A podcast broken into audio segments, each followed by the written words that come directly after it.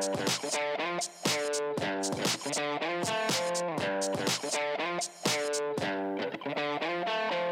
och välkomna till det 16 avsnittet av Tro och förnuft-podden som produceras av tidningen Dagen i samarbete med Teologiska fakulteten vid Uppsala universitet och Newman-institutet. Jag heter Kristoffer Skogholt och med mig har jag Erik Åkerlund. Idag kommer vi att prata om Josef Ratzinger, det vill säga den förre påvens bok eh, Introduktion till kristendomen. Så välkommen till programmet.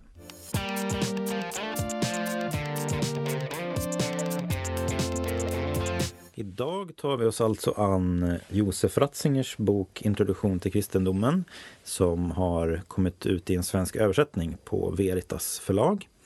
Eh, en utmärkt översättning får man ju säga av mm. Stefan Jarl. Eh, och den här boken är ju då den förre påvens eh, verk och han skrev den 1968. Eh, och då var han bara 40 år gammal vilket är en prestation verkligen att kunna skriva en sån här bok i en sån ung ålder ändå, eh, som man får säga att det är. Den känns som en sammanfattning nästan av ett livsverk, skulle den kunna vara. Men mm. han skrev den väldigt tidigt. Eh, det hörs att vi blir äldre också. Ja, eftersom vi tycker 40 är ganska ungt. Jo, absolut. Men, men det är liksom någonstans ändå, ändå att eh, ja, den, den är liksom sprängfylld. Eh, och den blev väldigt väl mottagen. Mm. Och jag tänker mig att eh, om man känner till någonting om Ratzinger så kanske man förknippar honom med, han, han kallades för lite så för påvens bulldog eller någonting sånt där. Att han, han var ju ordförande för det som kallas för troskongregationen inom mm. katolska kyrkan som ju har till uppgift att eh, bland annat eh, formulera vad som är katolsk lära och sådär. Och då han har liksom en, en slags eh, konservativ air så att säga, eller image.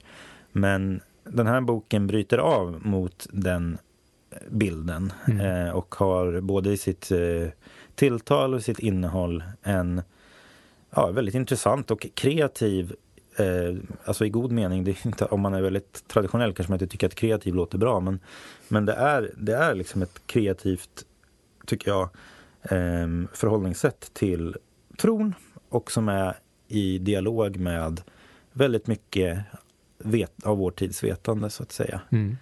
Eh, och om man liksom ska sammanfatta vad projektet är här så tänker jag mig att det handlar ganska mycket om att försöka hålla ihop det man kallar för filosofernas gud och trons gud. Om, vi, om med filosofernas gud så menas ju någonting i stil med eh, liksom den här abstrakta grunden för hela tillvaron för universum och mm. den typen av gud som Einstein var beredd att tro på som, mm. som Ratzinger också anknyter till. Och med trons gud så menas liksom den religiöses innerliga eh, ja, den, den man möter i bönen så mm. att säga. Och Abraham, Isaks och Jakobs gud. Ja, just som det. man ibland också kan säga. Ja, mm. precis. Mm. Alltså den gud som träder in i en personlig relation och existentiellt liksom angelägen så att mm. säga. Som inte bara är en princip för, för eh, tillvaron så att säga. Och om det låter som att vi hoppar mellan olika teman här så är det väl för att vi är lite influerade av läsningen kanske. Som du säger så känns det mer som, ett, som ett, en sammanfattning av ett livsverk. Just eftersom man tar in så många olika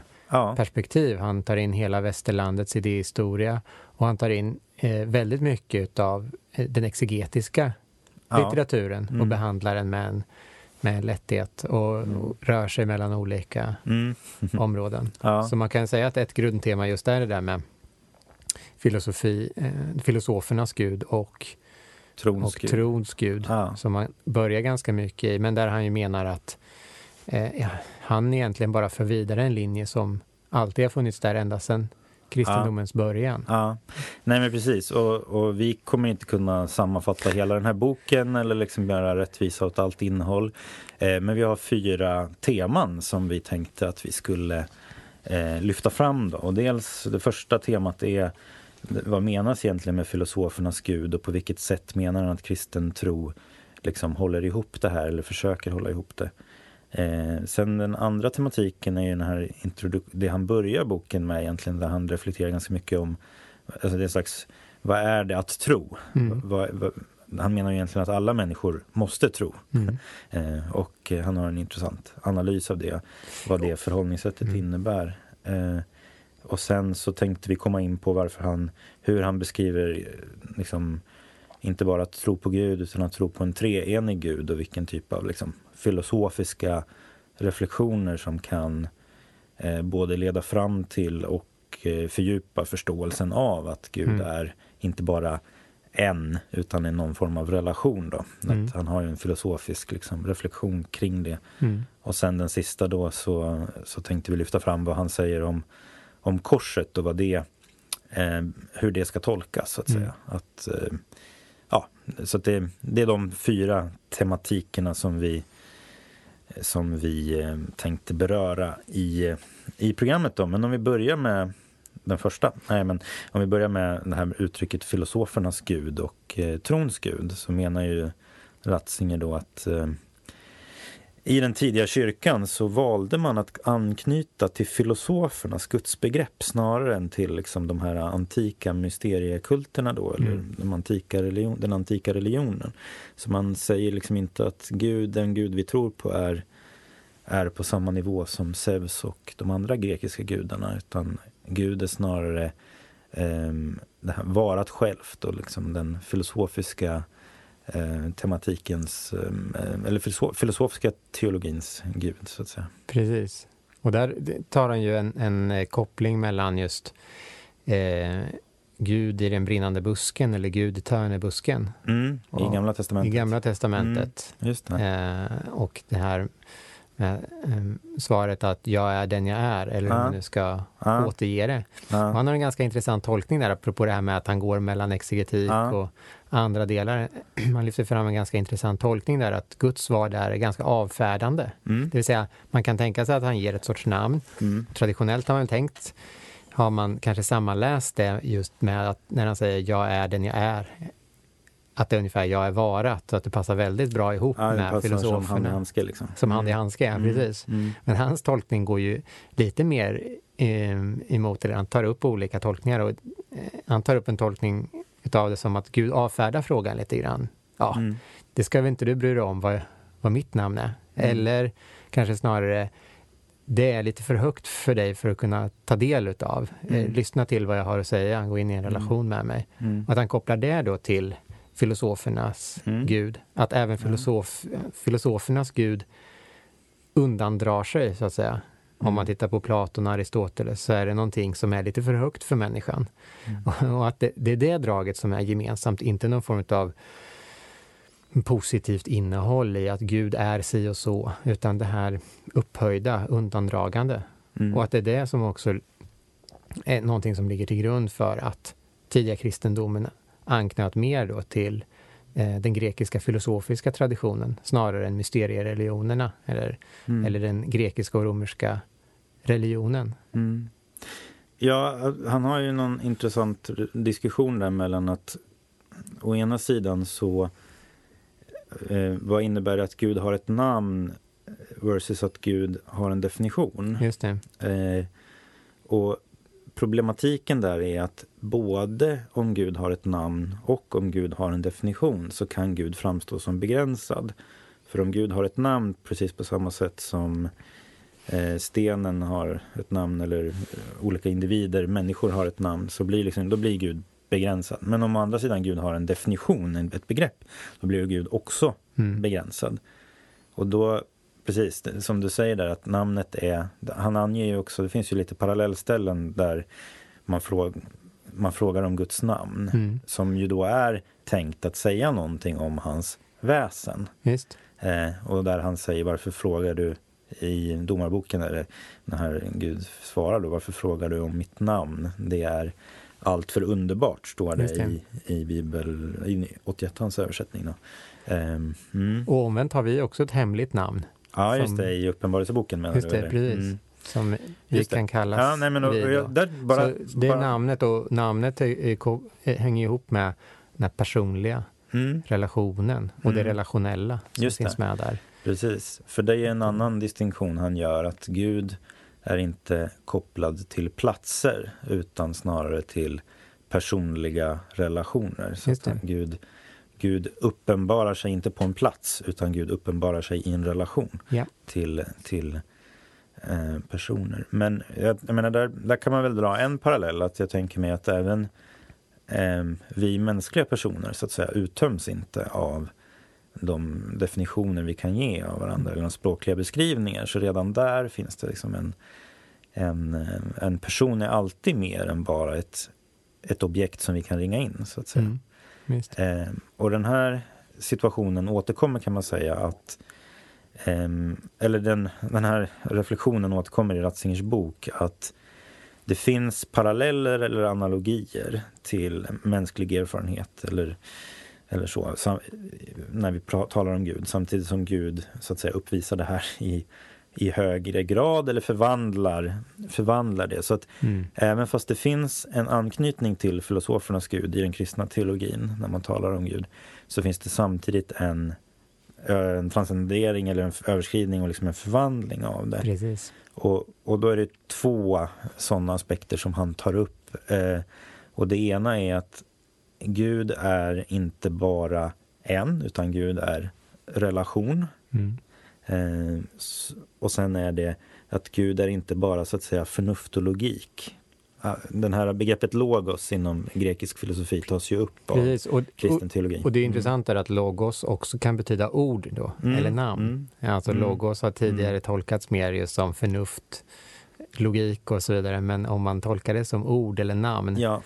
Ja. Så, ja, då blir det mer så, personligt. Ja.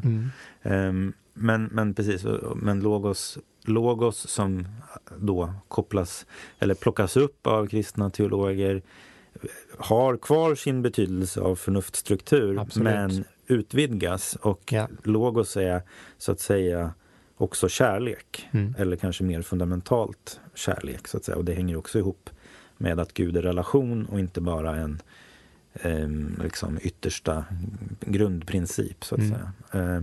Och där kommer ju hans måste man säga, existentiella eller existentialistiska sida mm. in väldigt starkt. Mm. Och det, det kanske är en del av det som gör det lite oväntat att läsa, att man tänker ja, sig honom som en torr akademiker, att säga, mm. och mm, eh, mm. som att han håller på med tankestrukturer. Ja, Men hela hans ingång mm. är ju att det är viljan som står högst, det är kärleken som står högst. Och den är egentligen i sättet han beskriver det också det som, det som är det mest grundläggande hos Gud. Guds vilja och, den, och den, den, den unika relationen till, mm. till den enskilda mm. människan. Mm. Precis. Um, så kortfattat kan man väl säga att om man återkommer, åt, ja, man kan anknyta lite till boken som vi läste av David Bentley Hart eh, som eh, ju också diskuterar det här ganska mycket om att Gud är inte så att säga en individ i klassen gudar utan är liksom varat självt mm. så finns det en intressant liksom eh, eh, en intressant vändning på det där, eller spinn på det där. Och det är ju någonstans att det är faktiskt det filosofernas gud, om vi med det menar Gud som varat självt snarare än in, en, en varelse, mm. som bevarar Guds mysterium. Mm. Eh, ofta tänker man kanske att filosofernas Gud har liksom försökt att förtingliga Gud och objektifiera Gud och göra honom hanterbar för tanken.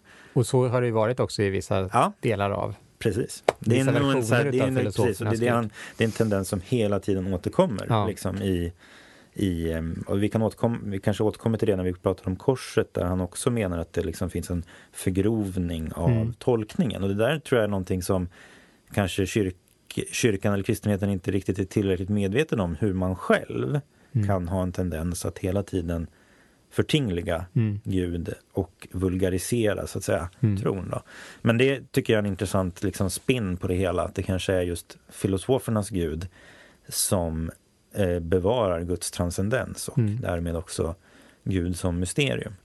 Eh, Ja, ska vi gå över Trots till... att man kallar det för mysteriereligioner ja, i, i, gamla, i eh, antiken. Där, alltså, eh, blir det för förtingligt även. Exakt, även det blir hanterbart. Så det, det, är den filosofiska traditionen, precis som du säger, som snarast har bevarat. Ja, och Ratzinger gör en intressant koppling mellan filos grekisk filosofi och gammaltestamentliga profettraditionen. Ja. Eh, mm. Och där, jag kan tycka att det finns en slags likhet i det att man kanske har en slags, eh, så att säga, då, som man säger, ikonoklastisk eller bildstormande, att man liksom gör lite, krossar lite grann de, de, för, för tingligade gudsbilderna. Då, mm. så att säga. Um, ja, men jag tänker att det kanske blir bra att gå över till den här frågan om vad det är att tro. Mm. Um, för det är det han inleder hela sin, sin um, uh, bok med då. Och det finns många trådar man kan dra i där, men en, ett sätt som han beskriver vad det är att tro är att egentligen att det handlar om att förhålla sig till verkligheten som på en helhetsnivå. Mm. Så vi, vi förhåller oss till olika konkreta saker i världen men, men vi har också en relation och måste ta ställning till frågan om hur verkligheten ytterst är och vad är dess karaktär.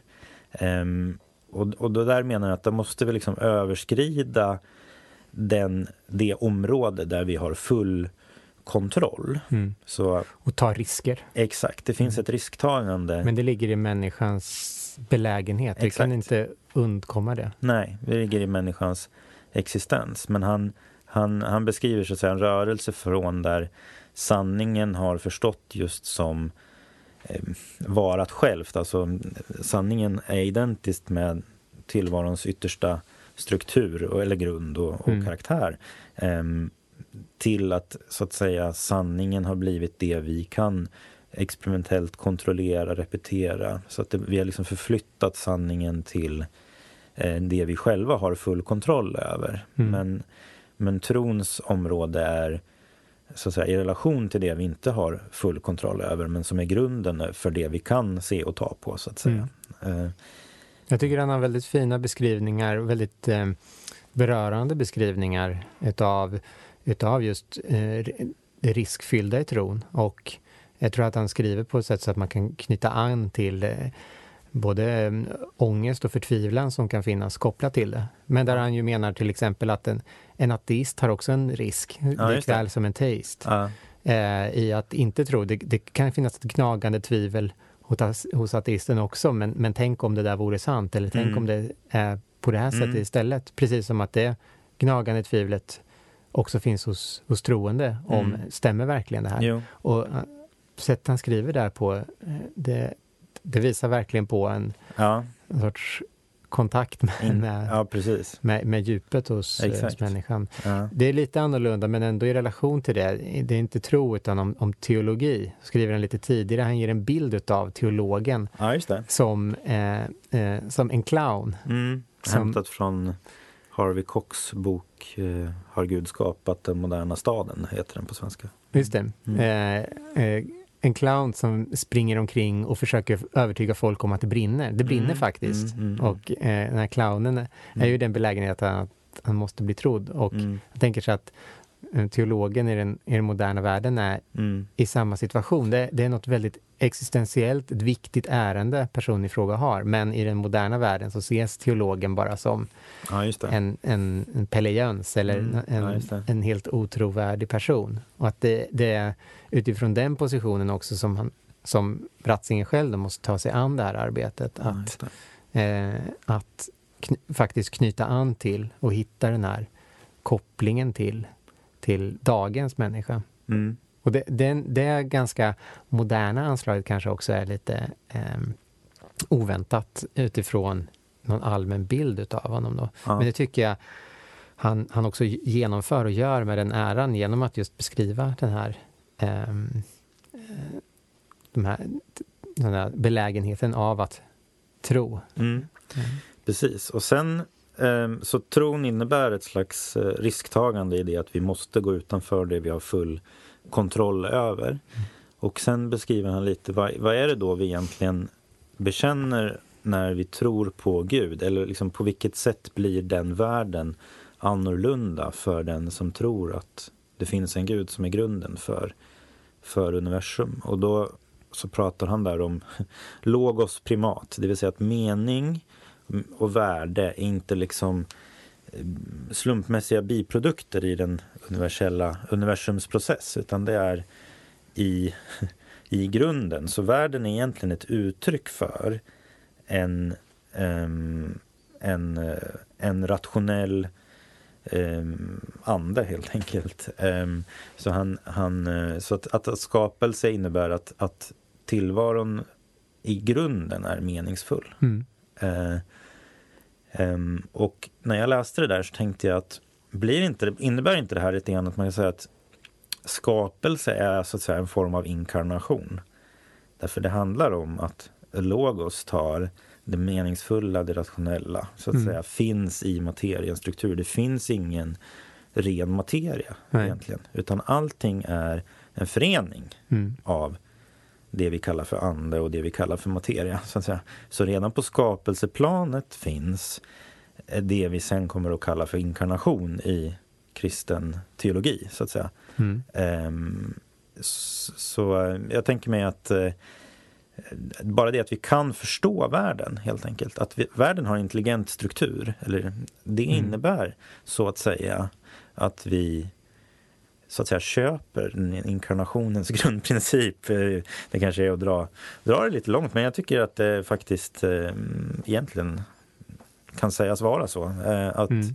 världen är en meningsfull struktur eh, som blir synlig i materien. Mm. Så, så. Han ställer ju materialism och idealism mot varandra som som två ytterligheter, två ytterligheter som inte är kristna. Liksom. Men, eller som, som två möjligheter. Ja, och där, mm. där eh, går han ju eh, mot att se idealismen som det bästa av de två.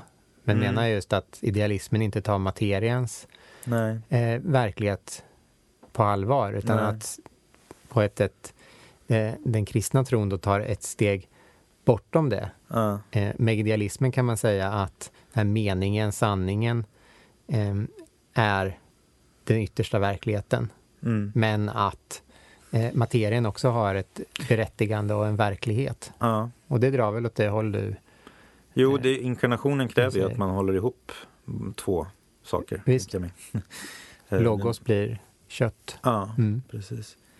Um, sen tänker jag mig att det kanske är något vi kommer in uh, lite senare på. Men jag tycker att vi kan kanske liksom lyfta på den frågan lite grann. Det är ju trots allt så att Gud, om Gud har skapat världen genom den här äh, långa processen som fysiken och biologin avtäcker. Det är en ganska mm. krånglig process ändå för mm. att eh, och det där tycker jag, han, han har ju några liksom, vad heter det, punkter i boken när han hänvisar till eh, jesuiten Teilhard de Chardin som mm. var paleontolog. Alltså forskade om um, utdöda djur och uh, fossil och sådär. Och som bland annat var en av de som upptäckte Pekingmänniskan.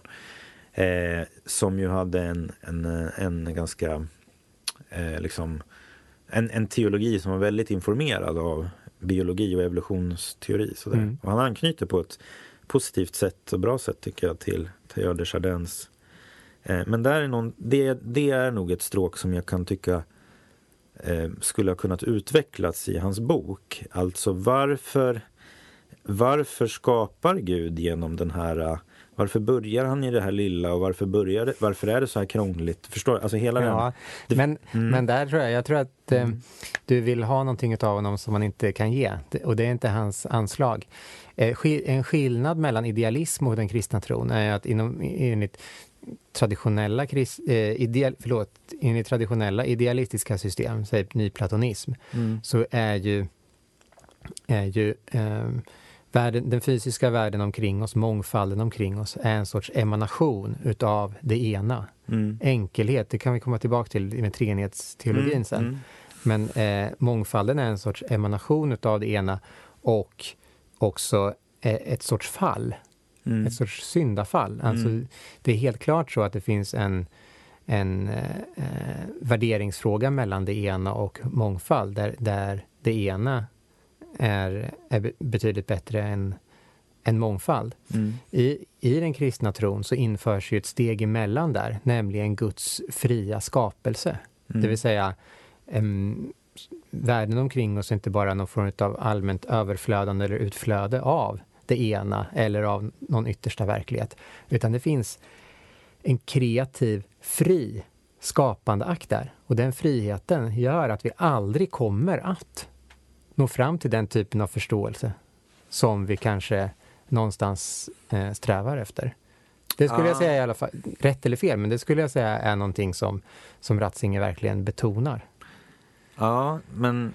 Och någonting som skiljer honom från en sån som Teyada Shada, han, han, han anknyter positivt till honom eh, med vissa förbehåll. Och han tycker till exempel att Teyada Shada är allt för, som han kallar det för, biologistisk. Men det han, han, han skriver uppskattande om är att han just för in den här, som Ratzinger ser det som traditionella tanken, eh, på, på att världen ytterst går mot ett slutmål som är rationalitet och att, att utvecklingen måste förstås snarare utifrån slutmålet.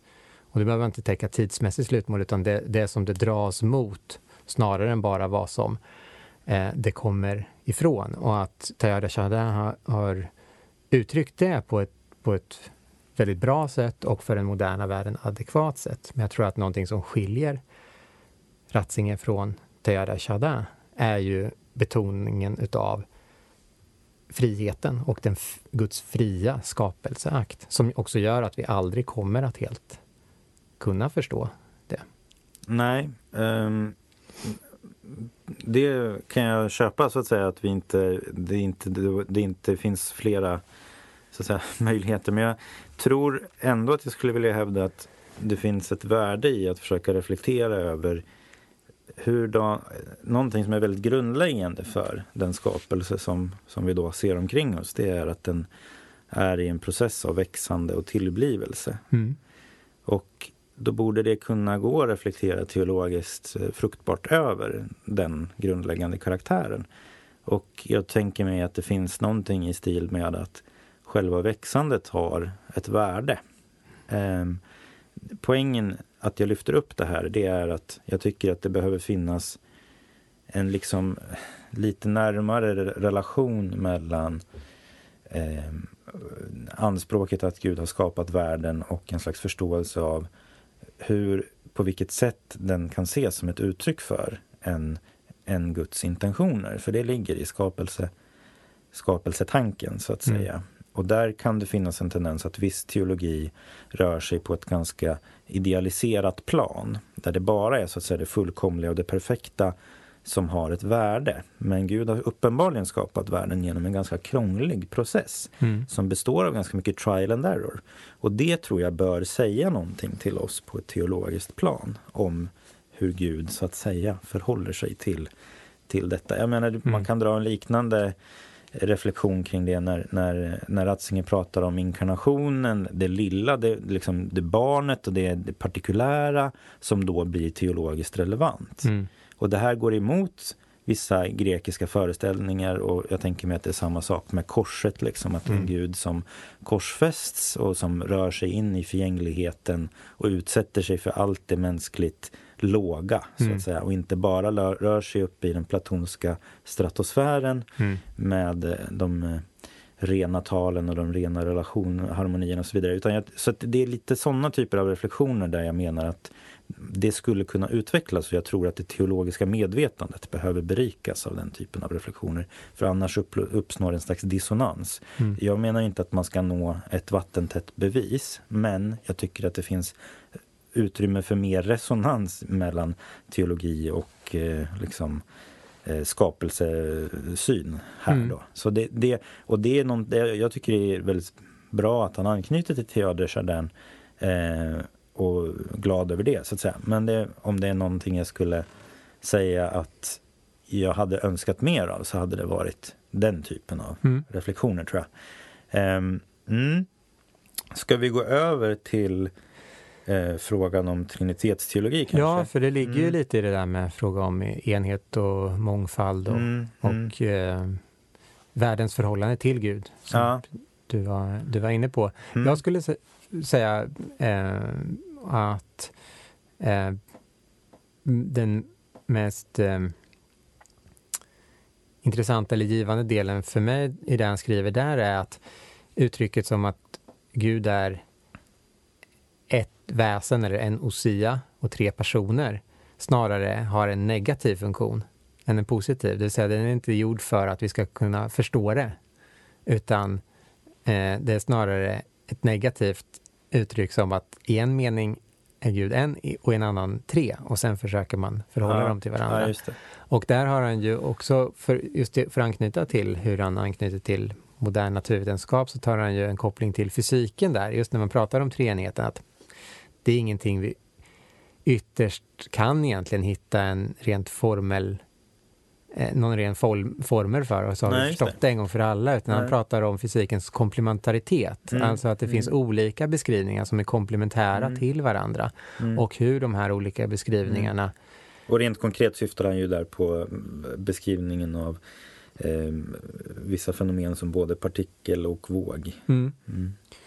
Eh, precis. Och hur hur det kan, kan göra reda då för en mängd olika fenomen kan man säga. Till exempel i det här fallet, hur kan man göra reda för Jesu förhållande till Fadern som på en och samma gång i en mening är ett, men som Jesus ändå relaterar till mm. som en du och mm. som Abba. Mm. Eh, och han har väldigt eh, fina, det är nästan svårt att, att återge det, för mycket ligger i hans stil, hur han skriver om det.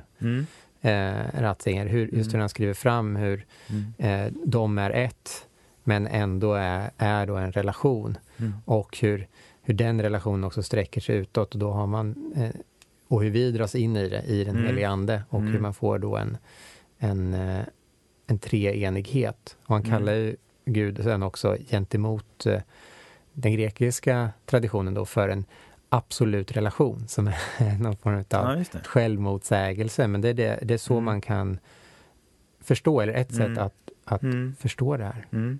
Vad tyckte du var ja, eh, det jag, de viktigaste det, delarna utav Ja, alltså å ena sidan så var det hans, liksom, han har ju någon slags förord när han börjar med treenighetsteologin på mm. ett par sidor.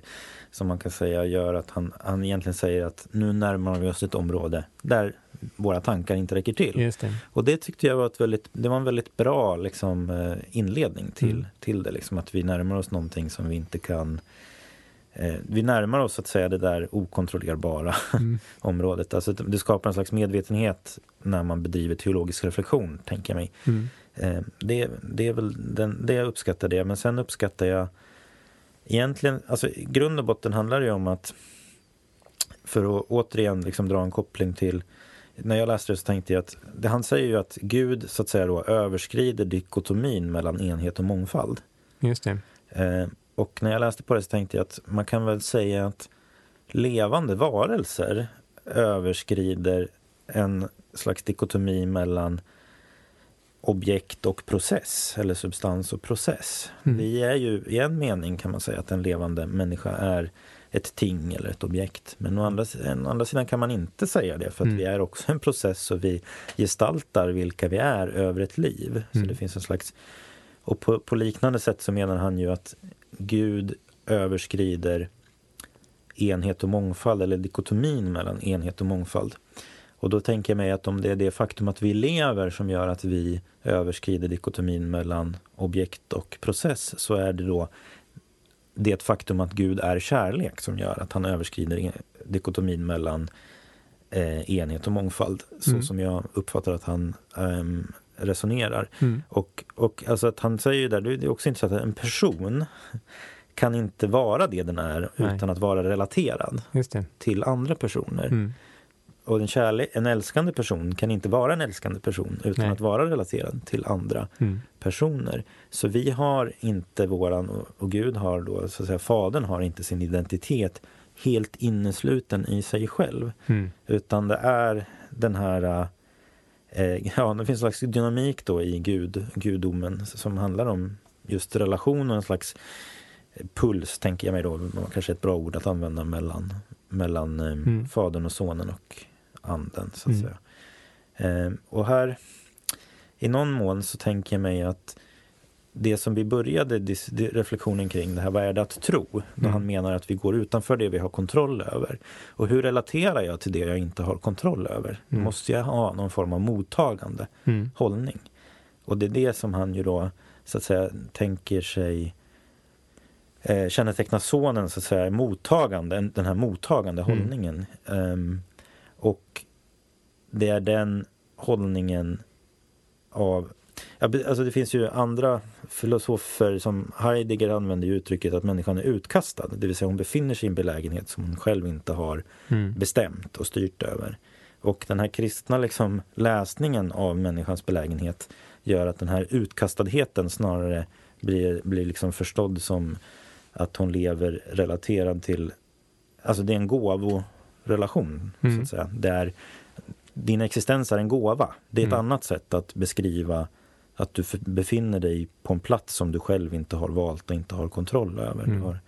Precis som att tron är en gåva eftersom Precis. det beror också på andra, andras förmedling som jag inte har någon Nej, kontroll över. Nej, mm. och eh, ytterst av på något sätt Guds, Guds förmedling just. både i skapelsen och mm. i, i... Och det där var ju, just det, det var ju en tematik som vi kanske skulle återkomma lite grann till. För det var väl någonting som du så att säga, fastnade lite grann för, just det här tron som en, ett mottagande, om jag förstod det rätt. Ja, men jag kan hoppa det. Ja, kan jag istället för att pressa dig lite mm. på, en, eh, mm. på en punkt lite mer, hur det, hur ja. det hänger ihop. Ja. Du pratade tidigare om att du ville liksom ha lite mer, kanske, om jag fattade rätt, att han skulle gå in på hur eh, liksom, ordningen i skapelsen, evolution och så vidare. Mm. Eh, återspegla Gud eller vad det kan säga om Gud. Men å andra sidan så um, bejakar också hans ingång till tre, eh, treenighetsteologin, eller trinit, mm. att här är det någonting vi inte kan prata om. Går inte de inte emot varandra för,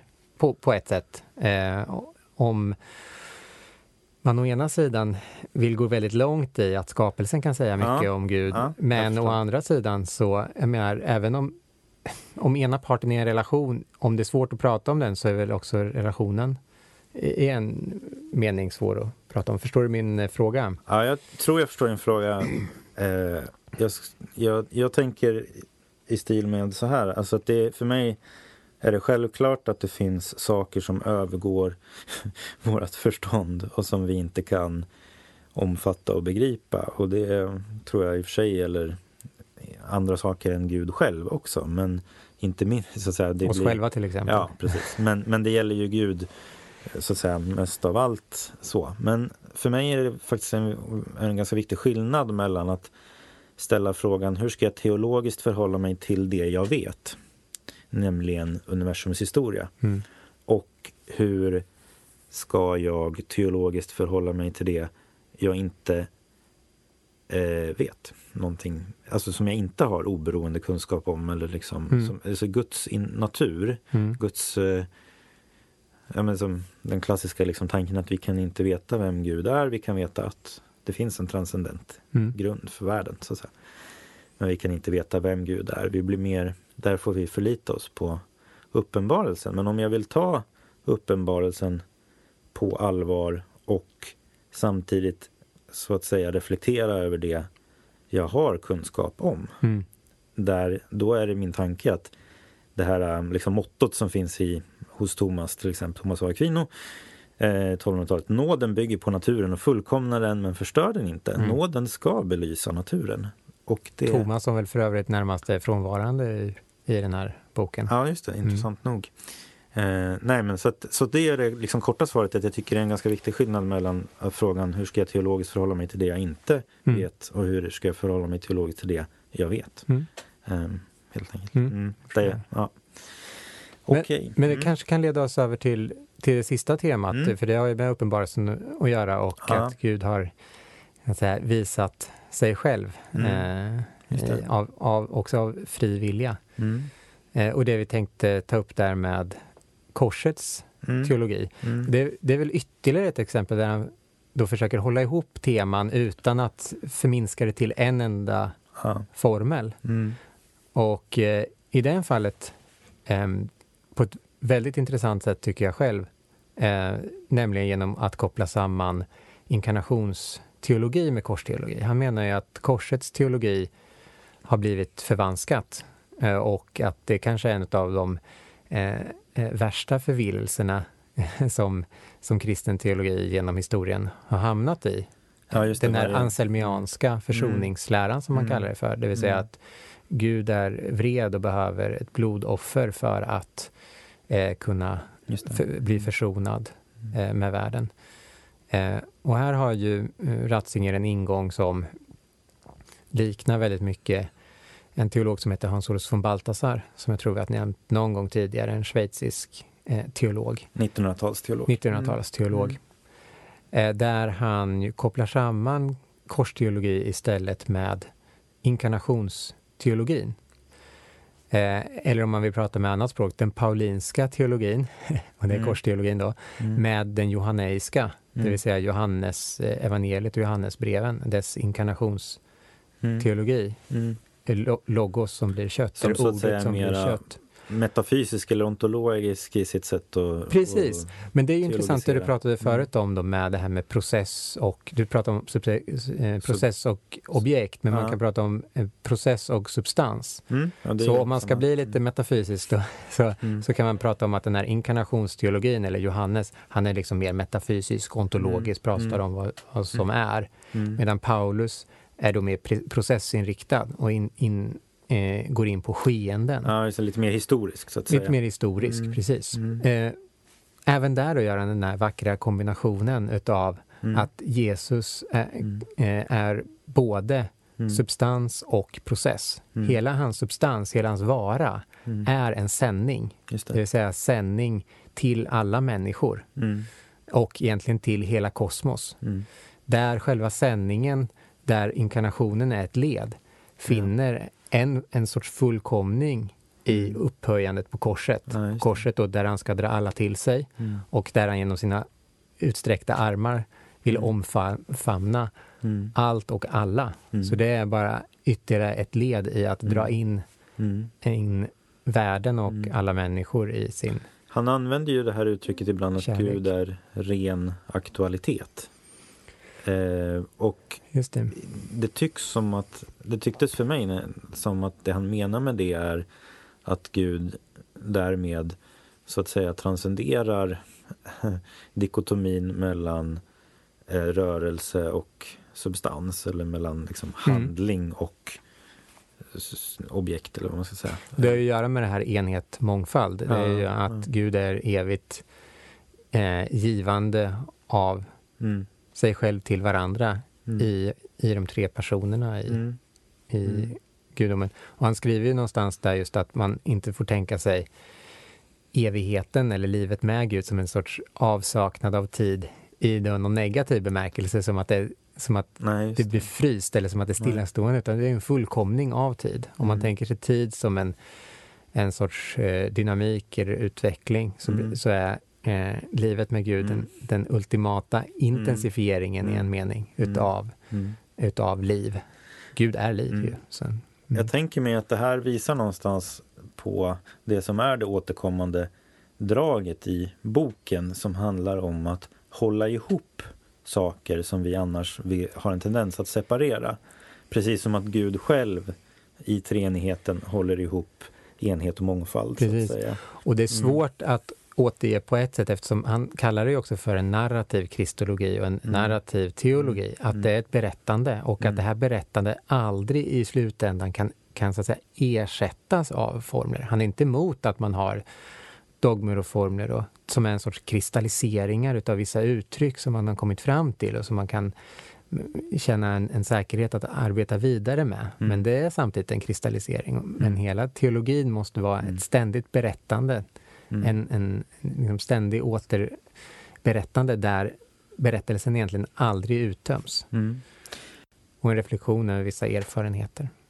Eh, som sagt, boken är inte helt lätt att, att sammanfatta eh, men eh, den, har varit, den är väldigt givande och lite grann kanske jag kan tänka mig att ni som lyssnar får känslan av att vi försöker äta ett äpple som är lite för stort. det är i alla fall så det kan kännas ibland när man diskuterar boken. Det är, inte, det är så att säga en bok som i sig själv har lite grann den här karaktären, att den, har, den är mer än vad man kan ha kontroll över ja. på ett sätt. Då. Ja, och det, så på det sättet så är den ju vad den säger. Ja, det kanske har att göra med så att säga, ämnet. Så. Ja. Mm. Eh, nej, men den rekommenderas varmt helt enkelt. Och vi kanske kommer skriva något blogginlägg om något i boken mm. framöver. Vi får önska god jul och gott nytt år så hörs vi efter nyår helt enkelt. Tack hej. Tack och hej.